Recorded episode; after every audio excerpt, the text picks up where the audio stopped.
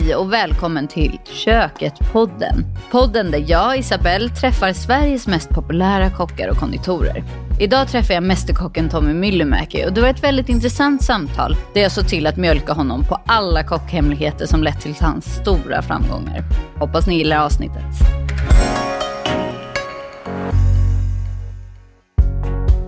Tommy Myllymäki är stjärnkocken med en riktigt gedigen meritlista vi inte kan sluta imponeras av. Vinnare av Årets kock, silvermedaljör i prestigefyllda Bocuse d'Or, en Michelinstjärna på sin krog Aira, kokboksförfattare, tv-kock och mycket mer. Vi är så nyfikna på hur Tommy Myllymäki hinner med allt detta samtidigt som han springer mängder av maraton och bollar familjelivet. Varmt välkommen säger vi till Tommy Myllymäki!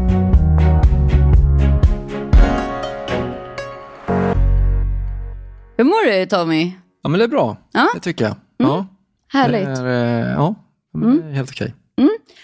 Du, jag tänkte att som jag sa innan här precis, jag har så mycket frågor till dig så att vi kör igång direkt och då vill jag jättegärna veta vart du växte upp någonstans. Jag kommer från en liten stad som heter Katrineholm i Sörmland. Mina föräldrar som är från Finland, de eh, flyttade till Sverige som arbetskraftsinvandrare i, på slutet på 70-talet som många andra från både Jugoslavien och Finland gjorde. Så därigenom hamnade, vi, eller hamnade de där och där föddes jag. Okej, du säger att dina föräldrar var från Finland, men vad åt ni? Var det liksom präglades kosten av den, finska kulturen också någonting? Ja, men det har väl den gjort. Sen, sen separerade mina föräldrar så att jag bod, växte upp med min mamma själv egentligen eh, under många år. Så att, eh, nej, men det, var, det var allt möjligt. I, I stort så var det ju väldigt mycket vardagsmat och där handlar det egentligen om att ta tillvara allting. Eh, så. Jag var väl alltid lite bedrövad över att på den här tiden, det här är 80-tal då jag växte upp och då slog ju pizzan igenom ganska starkt. Eh, Även eh, prefabmat slog igenom ganska starkt i Sverige eh, och, och, och blev någon form av, som barn tyckte man det där var lyxigt, att man fick mat som var liksom färdiglagad och inte hemlagad. Eh, idag helt förstår jag inte ens hur det kunde bli så, men, men då var det lite exotiskt på något sätt. Och, men min mamma envisades med att laga allting själv, pizza och så vidare skulle man göra. Det var så här tjock botten och, och så vidare. Idag är jag superglad för att det var så. Eh, för det ger ju ändå någon form av preferens i vad, eh, vad man uppskattar och förstår. Dels i vad mat kommer ifrån, eller lärde sig ganska tidigt att förstå var mat kommer ifrån och hur det ska smaka. Mm. Var hon duktig på att laga mat då? Hon gillar egentligen inte att laga mat, så att hon, jag kan inte säga, hon är ingen dålig kock på något sätt, men framförallt hon är väldigt duktig på att baka. Hon tycker det är kul att baka. Så min mamma är en sån klassisk bullmamma. Eh, hon, ja, men hon gjorde allt möjligt, liksom, eh, friterade munkar, riktigt ister och ja, men du vet, riktiga Oj, bullar, oj. alltså bullar och allt möjligt. Sådär. Så det, det var ju, ja, ja men baka gillar hon. Det gör hon fortfarande. Så, att, ja. Var det den, eh, vart fick du din inspiration till liksom, matlagningen? Vart började hela din resa då? Nej, men min, vi, på somrarna så vi har en, ett, en släktgård i, i Finland eh, som vi alltid firade somrarna vid. Och där var man en fem, sex veckor. Och där nära till fisk, det är precis vid vattnet, så fiskade hela dagarna. Och egen rök och man lagade mycket av den fisken. Det fanns ett eget trädgårdsland. Mina morbröder de jagade. Eh, så det fanns mycket vilt i frysen. Så egentligen allting där och, och väldigt stor släkt som alla var på plats mer eller mindre någon vecka i alla fall. Eh, så vi var nog upp mot en 15-20 pers på liksom både luncher och middagar, alltid Wow, i princip. Och ibland nästan upp mot 25. mm, verkligen ett stort gäng. Ja, och det fanns ytor för alla att bo och sådär. Och då blev liksom, logistiken kring måltiden blev ganska stor. Så som barn så fick man, eh, ja, man fick alltid bidra med någonting. Antingen så skalade man potatis eller så fick man göra något litet moment eller vara ute i trädgårdslandet och plocka jordgubbar till sockerkakan till eftermiddagen eller vad det nu kunde vara. Och jag tror att all den här, så på den tiden så, jag gillade inte fisk i skolbespisningen när man gick till skolan. Jag tyckte det luktade hemskt att komma in i den här lokalen med fisk som hade varmhållits i flera timmar. Jag mådde verkligen inget bra av att äta den fisken, men däremot älskade jag fisk när mormor hade stekt den på sommaren då tyckte jag det var fantastiskt. Och det handlar väl om någonstans i att då fick man mat som var lagad liksom på riktigt med, med någon form av kärlek och där råvaran också var av bästa klass egentligen, alltså så fräsch som möjligt. Hela den uppväxten tror jag någonstans inspirerade till att det inte kändes så långt borta att laga mat. Det kändes inte svårt, Nej. det kändes- väldigt nära. Och en förståelse för var den kommer ifrån. Så jag tror att hela den, eller jag är ganska övertygad om att det där satte sina spår på något sätt. Och sen började det dyka upp då massa kockar på tv och massa ungdomsmatlagning i, i början på slutet på 80, början på 90-talet. Eh, Vilka var det då som var på tv? Den första fanns ju på SVT, Sköna Söndag. Det var ju Rickard Nilsson en, som hade vunnit Årets Kock då, 91. Alltså, och han började synas där i rutan. Asperger mitt i maten var ett program. Sen började TV4, 91 startade de, tror jag, någonting. Mm. Och då började man ganska tidigt med, med eh, då, morgon, morgonkocken var det väl då, liksom, nu, är det, nu är det i köket, alltså mm. så som är hela det programmet. Men det där blev väl någonstans inspirerande på något sätt också i vad man kunde göra med mat, att inte bara göra vanliga grejer. Eh, och det var väl där jag tog steget någonstans, att jag vill också, ska jag hålla på med mat så vill jag göra det på den typen av nivå. Mm. Mm. Det var väl tanken. Mm. Men okej, okay. och hur, äh, var det så här, jag vet, jag vill jobba med mat. Visste du det redan som liten och när ni var där i Finland på somrarna? Eller var det, hade du några andra drömmar som liten? Att du... Nej, men då som liten så hade jag nog ingen, ingen så färdig yrkesväg som jag hade tänkt, utan den, den kom ganska sent. Jag kanske var 13, 14, 15 år som jag bestämde att jag ska nog bli kock. Mm. Det var en kusin som var lite så här förebild, några 3, 4, 5 år äldre än mig, som läste restaurang i Finland och han började laga mat. Så tänkte jag, men han, han gjort det kan jag också göra det. Men innan det så hade jag nog ingen, ingen sån idé. Så blev det då restauranglinjen. Då, eller, och, eh, men sen på vägen så har jag väl funderat över valet några gånger. Alltså mm. Alltså framförallt i unga år när man var ung kock och så, där, så var väl det är inte alltid helt självklart att man skulle fortsätta att jobba med det som man gjorde. Nej, ganska hårt klimat också kan jag tänka mig.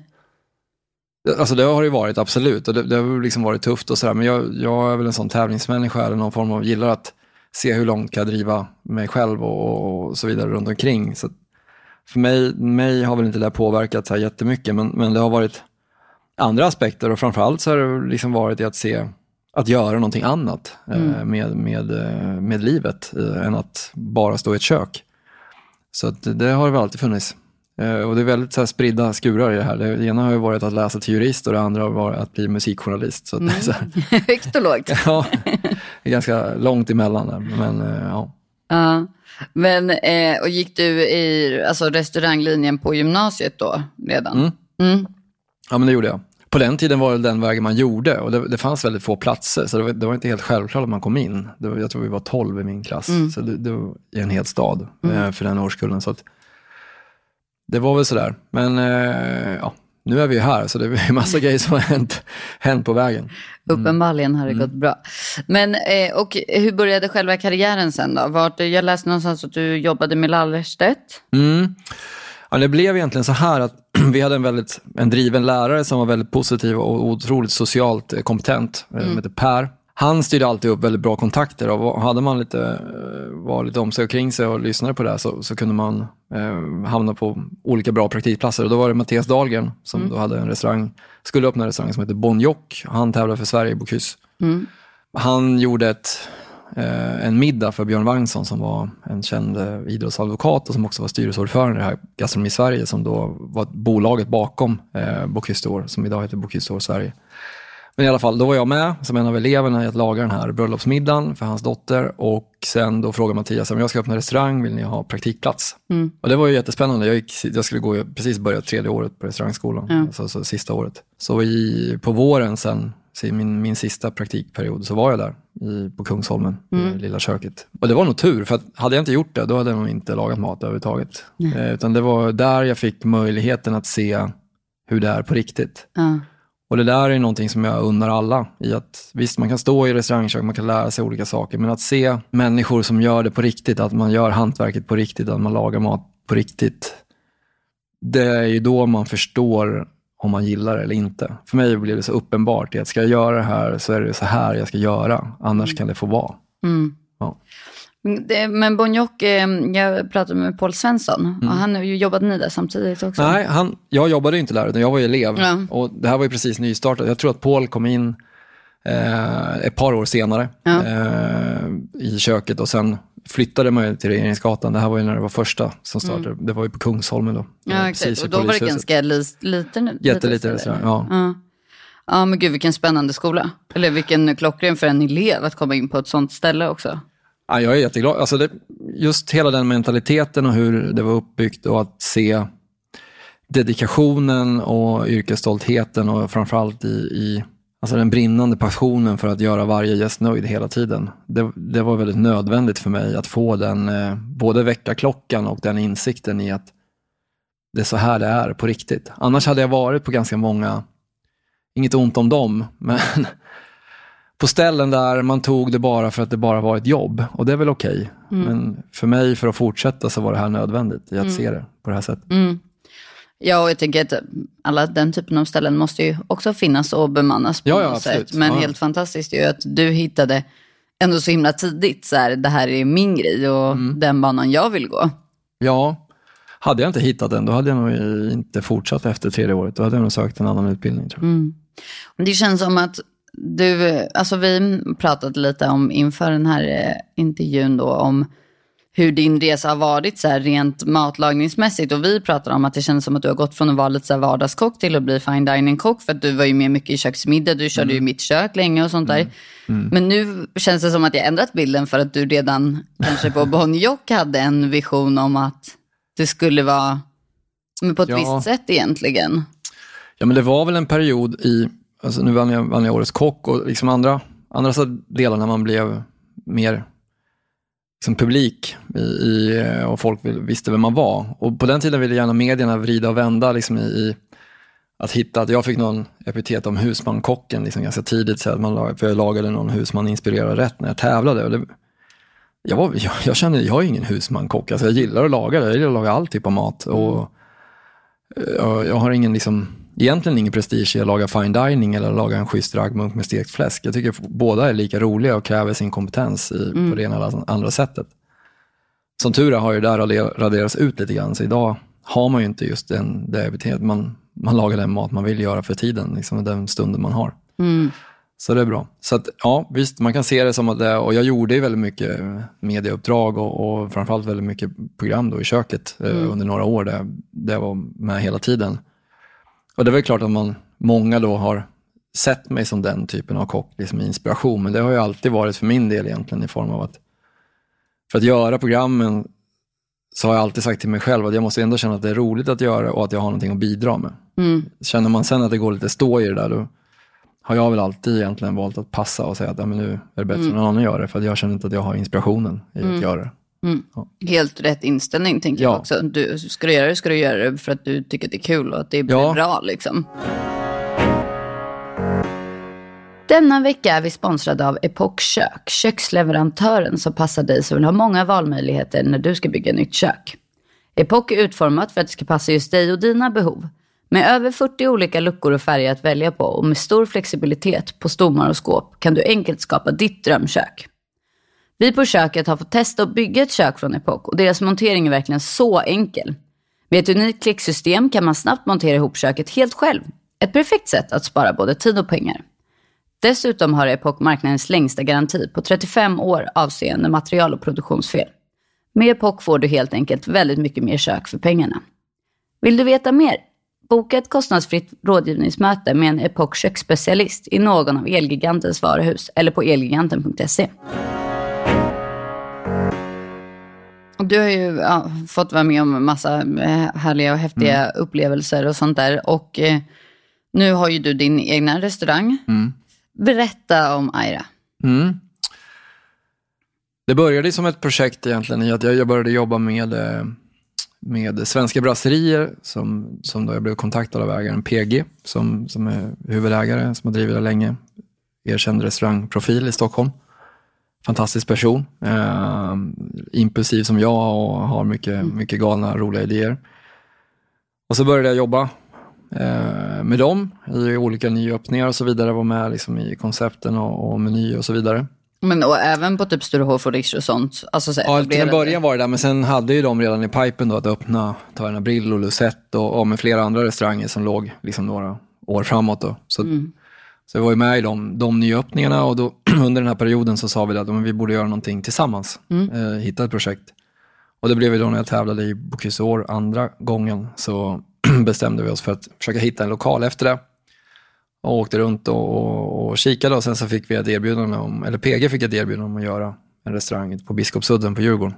Så det projektet påbörjades 2015 och blev färdigt 2020, så det var fem år där och det var väldigt mycket upp och ner, om och men. Och där man ibland inte visste om det kommer bli av eller inte. Men, men, men eh, det blev ju av. Och, och sen så skulle vi öppna, då blev det ju mitt i pandemin. Mm. så att, men på Aira så, egentligen så är min tanke där det är att göra en uh, fine dining, sen försöka använda all den erfarenheten man har haft genom åren med att bygga ett team och där teamet är starkt. För en, en, visst, jag kan komma med massor med idéer, men idag så finns det så otroligt mycket kompetens hos alla medarbetare runt omkring. Mm. Det kan även vara så att praktikanten har lärt sig någonting någonstans som jag inte visste om. Mm. Man måste ha den insikten i att man, det finns verkligen ingenting att liksom tro att någon kan mindre än en annan, utan idag är informationsflödet så snabbt och så enkelt och så lättillgängligt för alla att ta till sig. Det är telefonen bara, så att är en googling bort och så vidare så kan man hitta hur man gör någonting. Mm. Alltså det är bara upp till ditt egna intresse egentligen i hur långt du kan driva dig själv. Mm. Så vi försöker liksom få, eller jag försöker jobba med att hela teamet eh, ska känna sig delaktiga i det där. Eh, och sen är hela idén är ju att, att egentligen inte, vi försöker inte uppfinna någonting som är nytt eller konstlat på något sätt. Utan egentligen är det så här, om vi känner för att göra en tolkning på en klassisk rätt, då gör vi det. Om vi känner för att göra en helt ny rätt, då gör vi det. Mm. Det är ganska det, fritt ändå. Alltså. Ja, men grundfundamentet ska ändå ligga i att det är god mat som vi själva uppskattar att äta. Inte i att vi försöker provocera någonting eller, eller skapa någon gimmicks eller någonting annat sånt. Utan rätt och slätt så är det en, vi vill att det ska vara en gedigen, solid restaurangupplevelse där man får bra service som är omfamnande och professionell och trevlig och god mat som man känner att hit vill jag komma tillbaka. Mm. Det är egentligen de värdena vi jobbar efter hela tiden. Mm. Uh, och inte i att vi ska skapa någon politisk propaganda, någonting, alltså så, något häpnadsväckande egentligen. Utan vi, vi försöker jobba liksom efter att det, det är väldigt gott. Mm. Har ni något speciell inriktning på köket så eller? Ja, vi har väl några grundstenar som vi alltid försöker förhålla oss till. Och det är, det är no, svensk eller nordisk huvudråvara i säsong. Sparrisen kommer vi men ha sparrisen om man vill ha lite lättare, lättare typ av, av, eh, av kök egentligen när sommaren och våren kommer. Och så förändras tiden och så blir det sommar och då är det mycket tomater, jordgubbar och hela den här biten som man har. kommer hösten, svamp, vilt, skaldjur och så vidare. Så man ska verkligen kunna känna vad, vilken årstid man har när man kommer in, men sen så kan smaksättningarna och hur vi har kryddat den, tillagat maten, där vill inte jag begränsa mig att vi bara förhåller oss till någonting hur vi alltid har gjort här i Norden, utan den idén är egentligen att det, det ska kunna komma från resor, man, inspiration från hela världen. Det kan vara någon, någon som har en annan kulturell bakgrund än en svensk som kommer med en idé i att så här brukar vi laga det här, eller det här är en jättekul teknik som vi gärna vill använda. Då försöker vi anamma det och bejaka det och sen också använda kryddor, framförallt liksom smaksättare hela tiden som kanske överraskar lite grann och där man hittar en, en liten eh, så här, ah, vad kul, det här var en ganska vanlig rätt, men den är kryddad med det här, vilket gör att det blev någonting som, som ändå var um, kul att äta. Mm. Någonting nytt liksom. Ja, och att det finns en personlighet bakom det som, som känns eh, bra. Mm. Eh, så det försöker vi påverka med hela tiden, men det ska fortfarande smaka gott. Mm. Mm. Det låter som en bra, bra grundsten att stå på. Jag läste att målet var att bli världens bästa restaurang från början. Var det så? Eller? Ja, det där var väl en... Eh, man kan väl säga att PG som, som är partner med mig i projektet, han, eh, han är ju smart och vet att det där kan ju många haka upp sig på och skriva kring så fick man ju bra PR. Jag tyckte väl inte att det var världens bästa grej för jag, alltså i rätt tillfälle så kan ju den enklaste korvmojen runt hörnet vara världens bästa restaurang i, just där och då. Verkligen. Eller på bandymatchen på annan dagen i Vetlanda så kan mm. liksom kafeteria med kanelbulle och varm kaffe vara liksom världens bästa restaurang. Så jag gillar liksom inte det epitetet, men däremot så gillar jag målbilden ändå någonstans i att vi vill ändå, för att göra det här bygget som vi har gjort med huset och hur det ser ut och all, allting som vi har tid. Som det ska vi säga, det är, väldigt, det är väldigt spektakulärt ju, hela sceneriet liksom, mm. ute på restaurangen. Ja, och Jonas Bolin har gjort ett, liksom en, en eh, one of a kind hus. Och med hela den satsningen som ändå ligger bakom all tid och allt engagemang som vi lägger ner i det, så vill vi ändå bli någonting som folk verkligen vill resa till och uppleva. Och det där är ju, kan man ju tro att det borde väl hända över en dag, men det gör det faktiskt inte. Utan det, är, det är ju ett helt team. Vi är 32 det är 33 personer som jobbar på Aira liksom dagligen. Och att få alla liksom att gå åt samma håll och sen är det någon som slutar och så vidare. Så det är en process som, som fortlöper hela tiden och där, där det gäller att, att jobba hårt och målmedvetet mot vad man vill göra och sen samtidigt behålla sin grundidé. Var, varför blev vi till överhuvudtaget? Men det är klart, vi vill ju att eh, man vill kunna komma till Stockholm och känna att men Aira vill jag besöka mm. Som en av resmålen, varför man tar sig hit överhuvudtaget. Mm. Det är väl liksom det slutgiltiga målet på något sätt. Mm. Och ni fick ju en eh, stjärna nu ja, i ja, det, Giden. Ja. Och eh, hur kändes det? Nej, men det var ju jätteroligt. Alltså, vi öppnade en sån, eh, sån tid i där pandemin, 20 mars eh, 2020. Mm. Det var Perfekt en vecka liksom, efter det hade blivit lockout runt omkring och ja, hela, hela allt startade. Så att våra första två levnadsår, eh, de har ju varit helt surrealistiska. Det har ju varit som att öppna en restaurang om, om och om igen med nya förutsättningar hela tiden utefter restriktioner och annat som man ska förhålla sig till. Och då kom det en stjärna där mitt i alltihopa. Mm. Som man ändå, och, och, det är ett fantastiskt erkännande för hela teamet och, och otroligt roligt. Och väldigt många internationellt sett tittar ju på det också. Så det är klart att det var fantastiskt kul och det, det är första gången jag driver en restaurang som får en stjärna. Så det är vi jätteglada över. Eh, och jättestolta. Men, men faktumet är, vilket jag tycker är helt underbart, det är ju faktiskt att ingen på jobbet pratar om att nu gör vi så här för vi är en enstjärnig restaurang, utan alla jobbar ute efter att ikväll ska vi göra det så bra som möjligt för de gästerna som är i huset. Mm. Och det är egentligen det som är dialogen dagligdags. Det låter kanske lite klichéartat att säga det, men, men det är faktiskt helt sant. Och jag är så otroligt glad över det, att alla bara fokuserar på att göra varje dag så bra som möjligt istället för att fokusera på något någon prestigeutmärkelse man har fått. Det tycker jag är väldigt fint med hela teamet. Alltså den grejen är att man är jätteglad över de utmärkelser som vi ändå har fått, fina recensioner här och där. Jätte, jättekul. Men samtidigt så är ju nästa service är ju den viktigaste vi har framför oss hela tiden. Och när man tycker att det är roligt att jobba på det sättet, då blir det oftast väldigt bra. Mm. Du är ju en, eh, som sagt en tävlingsmänniska och du har eh, vunnit Årets Kock. Mm. Vilket år var det? 2008? 2007. 2007. Ja, det är ganska länge sedan. Ja, ja. ja. absolut. eh, och eh, du har även tävlat Bookstore och tagit en silvermedalj. Och en brons. Så två gånger var jag med, 2011 och 2015. Mm. Och medaljplats båda gångerna. Mm. Det är otroligt bra. Vad är det som är roligt med att tävla? Ja, men då när jag tävlade och man var inne i den, i den svängen, så det, den viktigaste delen med tävling är att man som person måste man ju uppskatta tävling.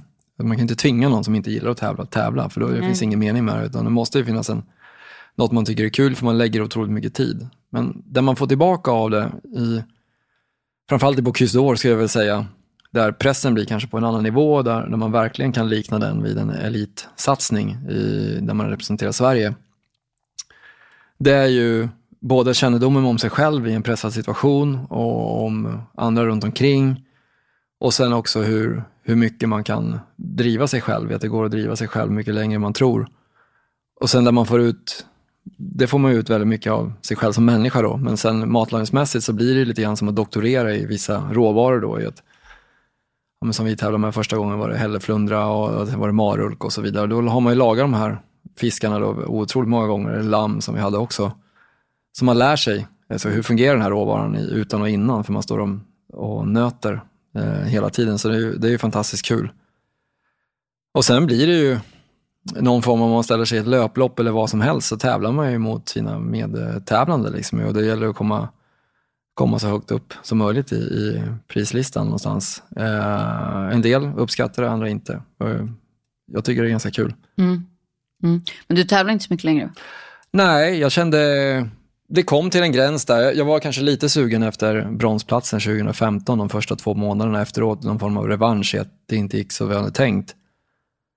Men sen så kom det så mycket annat med Aira och familjen och så vidare som, som jag kände att nu har jag försakat så mycket och lagt så mycket tid på det här så att jag kände att det är färdigtävlat nu. Det, jag, har inte, jag har inte den eh, den lusten att lägga den tiden som krävs. Nej, för just inför Bocuse är väl, alltså förberedelserna är väl enorma? Ja, det kräver ju att du lägger allt annat åt sidan och sen fokuserar på det här ett par tusen timmar under det här året som du tränar. Och då, jag känner att det finns så mycket annat i livet att göra än att bara hålla på med det här, med, med den grejen. Men det är liksom tävlings-Tommy och vi vet att du är superduktig och på att laga mat och fine dining och Eira och allting. Men vad äter du när du är hemma? Vem är vardags-Tommy? Ja, men, eh, jag äter nog precis som alla andra människor som har barn. Eh, barnanpassad vardagsmat. eh, more or less. Eh, perioder när man har mer tid så kanske jag lagar liksom något separat med grönsaker till mig själv och, och liksom adderar proteinet från det, det barnen får. Eh, men i övrigt så är det väldigt mycket eh, vanlig mat. Jag uppskattar eh, Många kanske tror att man komplicerar det bara för att man jobbar som kock. Jag är nog precis tvärtom. Jag försöker laga med så lite kastruller och, och stekpannor som möjligt när jag är hemma, framförallt i vardags. Mm. Det viktigaste jag tycker, som många alltid frågar, men vad ska jag göra? Jag har så dåligt samvete och de här grejerna. Jag, jag tycker, bara man inte lagar samma typ av rätt hela tiden, att det inte är köttsås, potatis, köttsås, potatis, eller du vet, så här, det där om det här är en soppa eller det här är en, och den är baserad på grädde, då kanske jag ska göra en buljongbaserad rätt nästa dag och inte äta grädde fem, fem dagar i rad, utan man varierar över veckan vad man gör. Det försöker jag göra, så att det inte blir likadant hela tiden, utan det är lite olika stil på rätterna. Mm. Det är väl en jättebra grej att ta med sig. Det försöker jag tänka hela tiden. Jag vill inte äta rotfrukter varje dag. Jag vill kanske äta någon grön grönsak som är lite krispigare och något annat. Sen vill jag ha någon genombakad rotfrukt en annan dag jag vill ha pasta en dag, men då kanske jag vill ha ris en annan dag. Jag vill ha tomatsås en annan dag. Vill jag ha gräddsås eller vill jag ha en dressing bara? Eller vill jag ha en sallad? Så det finns så mycket man kan göra. Och så behöver man inte göra det så komplicerat. Nej. Idag har det blivit som prestige att laga liksom så schysst. Det blir så här, för mig, ibland lite överdrivet. Mm. Alltså, back to basics är bättre. Mm. Men hur det funkar för dig, för att du har jobbat restaurang. Eh, mm. Det kan ju bli liksom en del kvällar och mm. helger mm. kanske. Mm. Har du, känner du att du har hittat en bra balans i det? Eller en bättre balans i det nu kanske, eller? När vi öppnade Aira så var ju en av, alltså, och branschen går igenom en, en förändring nu, men då var ju en av mina förutsättningar, vi har ju öppet lunch också. Mm. Och det är ju för att sådana som jag och andra mina medarbetare som har familj och, och, barn, att de har en möjlighet att bedriva ett vanligt eh, familjeliv. Sen kanske man jobbar någon kväll här och där, men det gör ju i princip alla människor idag. Mm. Om det är på representation eller något annat sånt så är man ju borta hit och dit. Bara inte alla kvällar. Och det har vi inte och det försöker vi jobba med hela tiden i att det finns ett väldigt bra arbetsschema där man inte jobbar långa dagar och så vidare. Utan mm. det, det, är en möjlighet till att bedriva ett vanligt liv vid sidan av. Och den tror jag är oerhört viktig att vår bransch går igenom den grejen och att människor, det är fortfarande konstigt nog en del som tycker det är konstigt att jag inte är på restaurangen varje dag. Och jag sa, men vem är på jobbet 24-7? Liksom? Ingen. Mm, nej, ingen annan. Det och det, man skulle aldrig ställa det kravet på någon annan. Som... Och jag vet att det finns en del alltså i vår bransch som fortfarande då tycker att det borde man vara. Men jag tycker väl att det känns inte som en så supermodern inställning till livet. Det finns så mycket mer livet har att erbjuda med bara jobb. Verkligen. Verkligen. Och man kan brinna för sitt jobb ändå, även fast man inte är där 24-7. Jag tror, jag tror att man gör ett mycket bättre jobb om man har en balans i det. Eh, och det här jag var inte alls så innan, utan det här har ju kommit av dels att en ny generation har kommit och satt krav på det i att det ska vara på det sättet och därigenom har man insett det att det här mår ju alla faktiskt väldigt, väldigt bra av och det är väldigt sunt för hela branschen. Verkligen. Mm. Parallellt med eh, allt det här du gör med eh, tävlingarna, eller som du mm. har gjort, och restaurangen och familjen och så här, så löper du ju väldigt mycket. Mm, löpträning. Ja, men sen några år tillbaka ju. Ja, det började med att jag spelade ju fotboll som ung mm. Eh, och vi var väl ett gäng som var, eh, det fanns en ungdomsförening i Katrineholm som heter Värmboll, finns fortfarande kvar, som då var en väldigt stark ungdomsverksamhet. Eh, och på något sätt så lyckades vi i våren med, med, en tränare som var ganska dedikerad, som drev en ganska hård typ av försäsongsträning och mycket fysträning med. Så vi var ganska fysiskt starka och hade väl någon liten talang sådär. Men jag tror mest att vi var, hade stark lagmoral och kämpade hela tiden som gjorde att vi vi, vi, kunde mäta oss mot några av de bättre lagen på den tiden mm. eh, i Sverige. Och då var det väldigt mycket fysträning och så vidare när man blev 13-14 år. Eh, och det var ju min väg in i laget på något sätt. Jag var inte den här bolltalangen på något sätt, men jag var en, någon som var beredd att, att träna hårt. Mm. Och därigenom så fick man den fysiska förutsättningen i att, att ta en plats. Och sen ledde det där kvar och så började ja, sen började man laga mat och då var det en kökschef på, på gondolen då först som erbjöd att ja, men vi betalar en plats i Lidingöloppet om bara ni börjar träna liksom och ja. kör. Så jag hakade på, började långdistansträna och, och på den tiden hade jag ju ingen, inget så här program. Eller jag, följde in, jag, jag sprang ju precis som man gjorde med fotbollen. Det var liksom, varje pass skulle ju sluta med att man i princip hade blodsmak i munnen, var helt slut. Ja. Och det fanns ingenting kvar. Så det var ju spurt sista kilometrarna varje gång. Ja. Och ingen så här, eh, tanke. Så när jag sprang min första mara så hade jag kanske längsta träningspass jag gjort kanske var 18 kilometer. Ja. Det är inte att rekommendera, utan man bör ha typ så här tre mils pass i alla fall i benen så man vet vad som händer. För det är då loppet börjar på riktigt. Så jag var ju helt slut, bara dog i slutet. Men, men, men i alla fall, och sen de sista åren så blev det ett break på ganska lång tid. Eh, och så började också det här med, med att Lidingöloppet bjöd in till att några olika typer av profiler då fick en möjlighet att springa med Magnus Bergman, som jag springer med. Eh, det här är 2015 tror jag någonting. Och det tyckte jag var jättekul. Och ja, jag gillar att gå in i saker 100% så jag, jag lyssnade på Magnus och följde det där programmet och, och märkte ju att oj, jag blir väldigt mycket starkare och mycket bättre och jag blir inte skadad som jag hade blivit tidigare eh, när jag började, försökte börja jogga igång igen. Så då började ett eh, sant löparintresse och i och med det här så blev det också en grupp och jag började, lärde känna nya människor som jag kanske hade liksom sett och sådär, men som också eh, delade intresset i att springa. Så började man springa långpass på söndagar och så där man pratar om olika ämnen och det där blev någon form av fantastisk eh, fristad i form av att man inte hela tiden var exploaterad som, som kock, utan man pratade om helt andra fritidsintressen. Och eh, det, var, det är ju otroligt glad för att man har kommit in i den, i den löparvärlden som nu är en, liksom en stor del av ens eh, fritid egentligen. Jag, jag lägger väldigt många timmar på att springa och ganska många timmar själv men också ganska många timmar ihop med andra. Eh, Väldigt socialt ändå ju också. Ja, det låter ju för många som så här tänker, vadå, springer ni runt och pratar när ni springer? Hur kan ni göra det? Flåsar man inte Ja, det då? låter i och för sig jobbigt tycker jag. Men alla pass är inte så tuffa, så när man kommer till en viss... Det krävs inte så lång tid faktiskt. Alltså jag var ju helt novis om man jämför med när jag började 2015, men det tog ett par, tre månader. Sen kan man ju springa, man springer oväntat långsamt, men det ger ändå effekt. Och den där sociala eh, samvaron är ju helt underbar. Eh, i att vara sex, sju, åtta stycken, så springer man och pratar med någon en halvtimme och sen någon annan en halvtimme och sen har man sprungit liksom två mil. Helt och, ja, och har ja, gjort jobbet som vi brukar säga och, och eh, kan man gå hem och käka en frukost som är magiskt. Mm.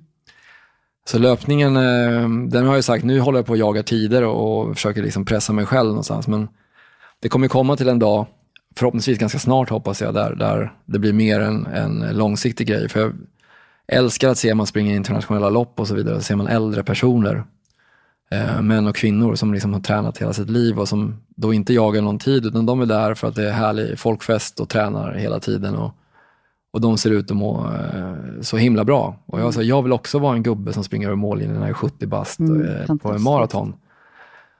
Utan att pressa kroppen. Utan man, gör, man springer kanske tre gånger i veckan och så håller man i det där resten av livet. För det ger, det ger ändå någonting som jag tror de flesta som ger det tiden blir fast. Man ser fler och fler som börjar springa eh, och som fortsätter göra det. Mm. Som tycker att det är svårt att sluta sen. Ja. Eh, men du, vi har konstaterat att du är Sveriges absoluta såskung. Eh, berätta, vad, vad tycker du, vad är det som fascinerar med sås? Eller varför skulle du säga att det är viktigt? Man kan väl säga, så- alltså, jag, jag tycker väl att det är roligt att laga eh, såser och garnityr framförallt. Alltså, ganska tidigt så märkte jag att jag är inte den kocken som tycker det är jättekul att stå på grillspisen och grilla, grilla köttbitar eller steka fiskbitar eller alltså så, jobba med, med proteinet. Jag tycker det är fine någon gång då och då, men det är inte det jag går igång på. Jag ty- jag tycker det är mycket roligare att laga grönsaker och, och såser. Och det där doftar och där man sätter karaktär och smak på rätten. Eh, och det har jag alltid tyckt. Det är det som jag liksom har alltid dragit mig till i köket. Sen att liksom steka en kött eller fiskbit, fine. Men ja. Så jag tror att det mynnar sig mycket i det.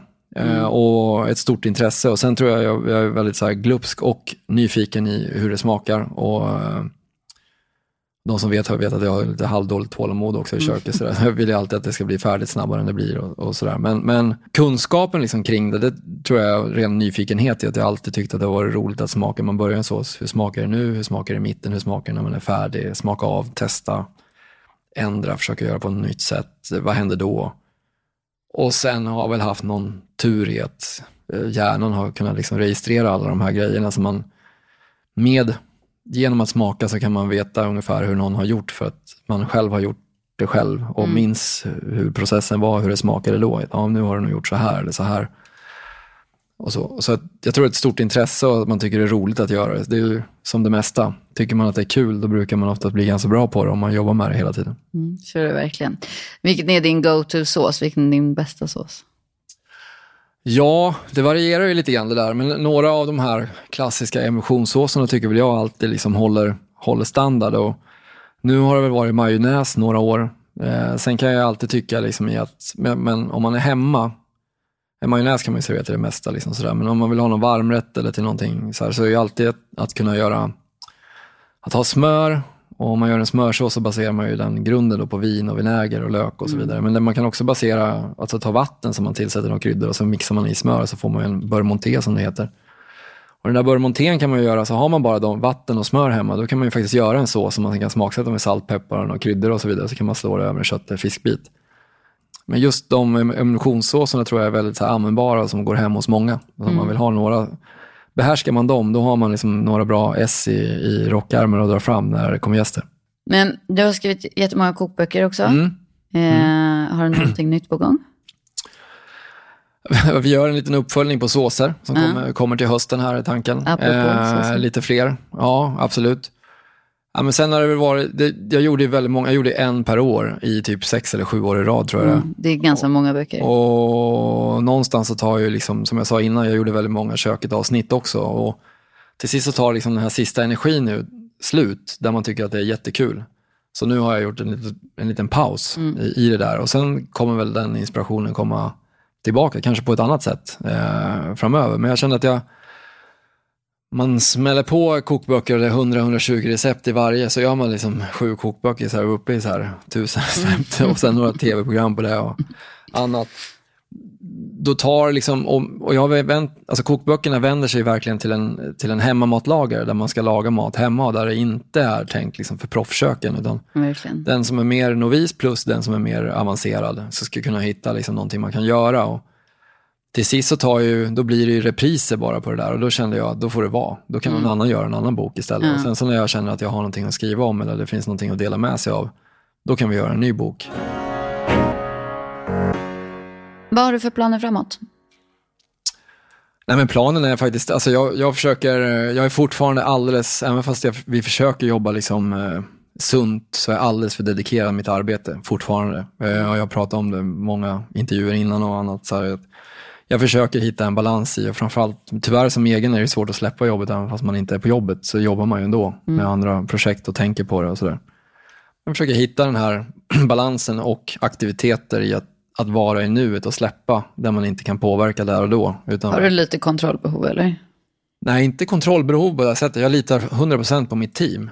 Men någonstans är man, man tänker på nästa idé eller man är inne i, i, i den här processen. Att, att bara kunna, för oftast har man ju lärt sig på vägen, är ju att när man släpper det 100%, det är då de bästa tankarna och idéerna kommer till en. Men det gäller ju att våga, att orka släppa det 100% och bara vara där och då och göra den här grejen som du gör, eller aktiviteten, det roliga eventet eller vad det nu än är som du går på och njuta av den 100%. Och när du sen kommer tillbaka och, lägger, och fokuserar, det är, då du, det är då utväxlingen sker. Det är lite grann som att träna. Du tränar stenhårt, sen går du hem och vilar. Och det är när du vilar som själva uppbyggnaden sker och du blir i bättre form. Och mycket i livet handlar ju liksom om att hitta den här balansen som alla då pratar om, men den är ju så uppenbar när man väl upplever den. Alla vet ju det, man, ibland kan man känna att jag kanske inte borde gå på den här eh, grejen med den här kompisen, jag känner mig trött och så vidare. Och så gör man det och så blir den där kvällen, den här grejen när man glömde allt annat och bara var i nuet. Och så kommer man tillbaka med så mycket mer kraft och energi dagen efter och ett par dagar framåt. Och det där känner nog alla igen. Det, det är inte bara jag, jag tror att det är liksom ett allmänt och det borde man bejaka oftare. Jag tror i alla positioner, i, chefer, andra som jobbar liksom med vad man än gör, att jobbet är ju faktiskt bara ett jobb. Ja. Livet är mycket större än bara arbete. Mm. Mm, väldigt klokt sagt. Ja, men du, jag tänker att du ska få gissa vilka som är dina tre mest populära recept på kök.se. Oj, är det någonting- jag skulle kunna tänka mig att det är något med fläskfilé kanske. Eh, eh, det är en bra gissning för att fläskfilé är mycket populärt, men faktiskt inte. Nej, då är det Kan vara någon paj med salt kanske. Kan finnas, det, nej, jag vet egentligen inte. Någon kurr, eller vad heter det, någon uh, chiligryta har jag gjort någon gång. Den känns väl som att det är många Mm, som... du, du har gjort ganska många Ja, faktiskt. Men nej. Du, okej, det är ett ämne. Den första, den som är mest populär, det är någonting vi har pratat om idag. Och det är en sås. Det är en jag vet inte. Majonnäs eller? Nej, vad är det? bea. En bea, okej. Ja, Ja. spännande. Ja, det är, det är absolut mest populära. Alltså det är hundratals tusen visningar. Ja, ja. Det är Jag Ehm, och sen så, dina mest populära recept, det, det är ju gamla godingar eftersom att du körde ju mitt kök. Så Mm. det, de har ju hängt med i många år och jag tror att de ligger väldigt bra till på Google. Men nummer två är en biff stroganoff. Okej, Mm. spännande. Ja. och den tredje är en cheeseburgare. Jaha, ja just det. Mm, ändå typ lite otippad. Eh, Ben känns ändå, det är ändå du tänker jag. Men eh, det var inte helt självklara recept tyckte inte jag heller när jag kollade. Ja, men det är spännande att, att eh, det är inte alltid alla lägger ut vad de gjorde. Eh, själva den grejen. Jag vet att hamburgerbröd tror jag det är många som i alla fall brukar få någon glimt om på so sociala medier, att de har använt receptet. Eh, men inte cheeseburgaren. Sen är det någon chili jag gjorde med apelsin och grejer tror jag som brukar vara rätt, som i alla fall folk skriver om att de har gjort. Men får du mycket sånt på Instagram och sånt? Nej, inte så mycket. Jag, jag, jag eh, tidigare la ganska mycket tid på det här. Jag lägger inte så mycket tid på sociala medier idag eh, på det sättet. Men eh, Är det någonting som du har valt bort eller? jag tycker att det blev lite mycket. Mm. Och jag Jag kände att det här är ju, jag jobbar inte med det för att jobba med det. En del människor jobbar ju med det. Det är Mm. deras liksom levebröd och så vidare. Det är inte riktigt min, min eh, idag. Så jag jobbar med annat. Okej, men du, ehm, jag tror jag har fått svar på eh, nästan alla mina frågor. Men jag tänkte att vi ska avsluta den här intervjun med fem snabba frågor. Ja, Mm. Vad skulle du välja som sista måltid i livet? och, och här ska man inte tänka så länge. Men eh, jag tror kanske att jag skulle välja en eh, vit tryffelrisotto. Ja, Eh, vad landar aldrig på din tallrik? fiskbullar. Alltså, alltså fiskbullar i burk eller ravioli på burk. Mm. Händer inte. Nej. är det för att du inte tycker om det eller för att det, Det smakar Liksom... metall. Mm. Okej. Mm. Vad, vilken är din eh, favoritråvara? Om man säger protein, havskräftor gillar jag rent så generellt, tycker jag är fantastiskt. Eh, men annars så skulle jag vilja säga lök i någon form. är alltid. Mm. Lök är ett bra svar. Det är liksom... Ja, det in ringar mycket. in det mesta, liksom doften av lök när man ska börja matlagning. Så ofta säger lök en en grundingrediens i någonting. Mm. Eh, vem skulle du helst vilja äta middag med, död eller levande? Oj, oj, oj. Det där är svårt. Jag har fått frågan några gånger. Men jag tror att idag så skulle jag nog vilja sitta och äta med, eh, med Paul Bocuse faktiskt. Jag hade nog ett annat svar tidigare. Det finns massa popstjärnor och legender och andra som man skulle ha velat äta med. Eh, men intressant, för han ändrade så mycket. En ung Paul Bocuse, när han liksom var, började hela sin era. Jag hade förmånen att träffa honom när man åt frukost på restaurangen, men då var det mer bara hälsa och han var ganska gammal och var liksom inte i sin liksom, bästa form. Nej. Eh, Men det hade varit intressant att höra hans tankar i hur han tänkte liksom, att lyfta statusen på kocken, alltså så kring det och hur, Mm. Hur han gjorde och, och eh, var kom idén ifrån? Mm. När startade hela Bocuse och liksom hela... Custor startade 1987 tror jag det Ja. Eh, Det kan vara fel, men jag tror det är 1987. Och det var egentligen att man ville lyfta mässan som är nere i Lyon då. Ja. Alltså mässan frågade Paul om inte han kunde göra en tävling för att liksom locka världens bästa gastronomi till, Mm. till Lyon, till den här mässan. Och på den vägen är det. Ja, wow. Mycket intressanta historier från honom Ja. ju.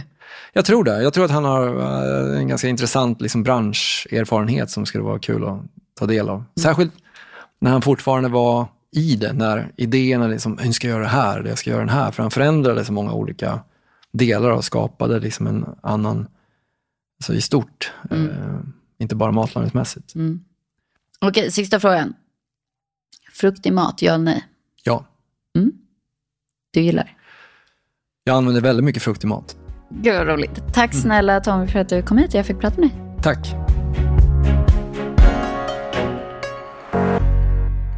Tack för att du lyssnade på ännu ett avsnitt av Köket-podden. Visst blev det ett härligt avsnitt?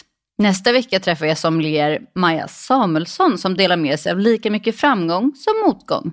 Det är ett av mina absoluta favoritavsnitt så det får du verkligen inte missa.